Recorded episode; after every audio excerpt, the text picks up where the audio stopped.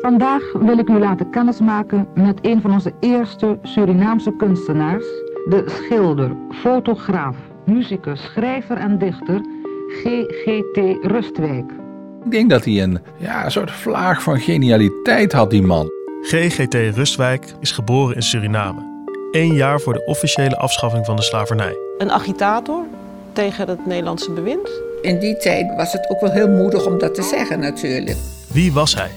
En waarom wist ik niets van hem, mijn eigen bedovergrootvader? Ik denk zelf dat ik erbij betrokken ben geraakt om het aan jou door te geven. Ik ben theatermaker Mathieu Weideven en ik maak voor de VPRO de podcast Een Verborgen Surinaamse Schat.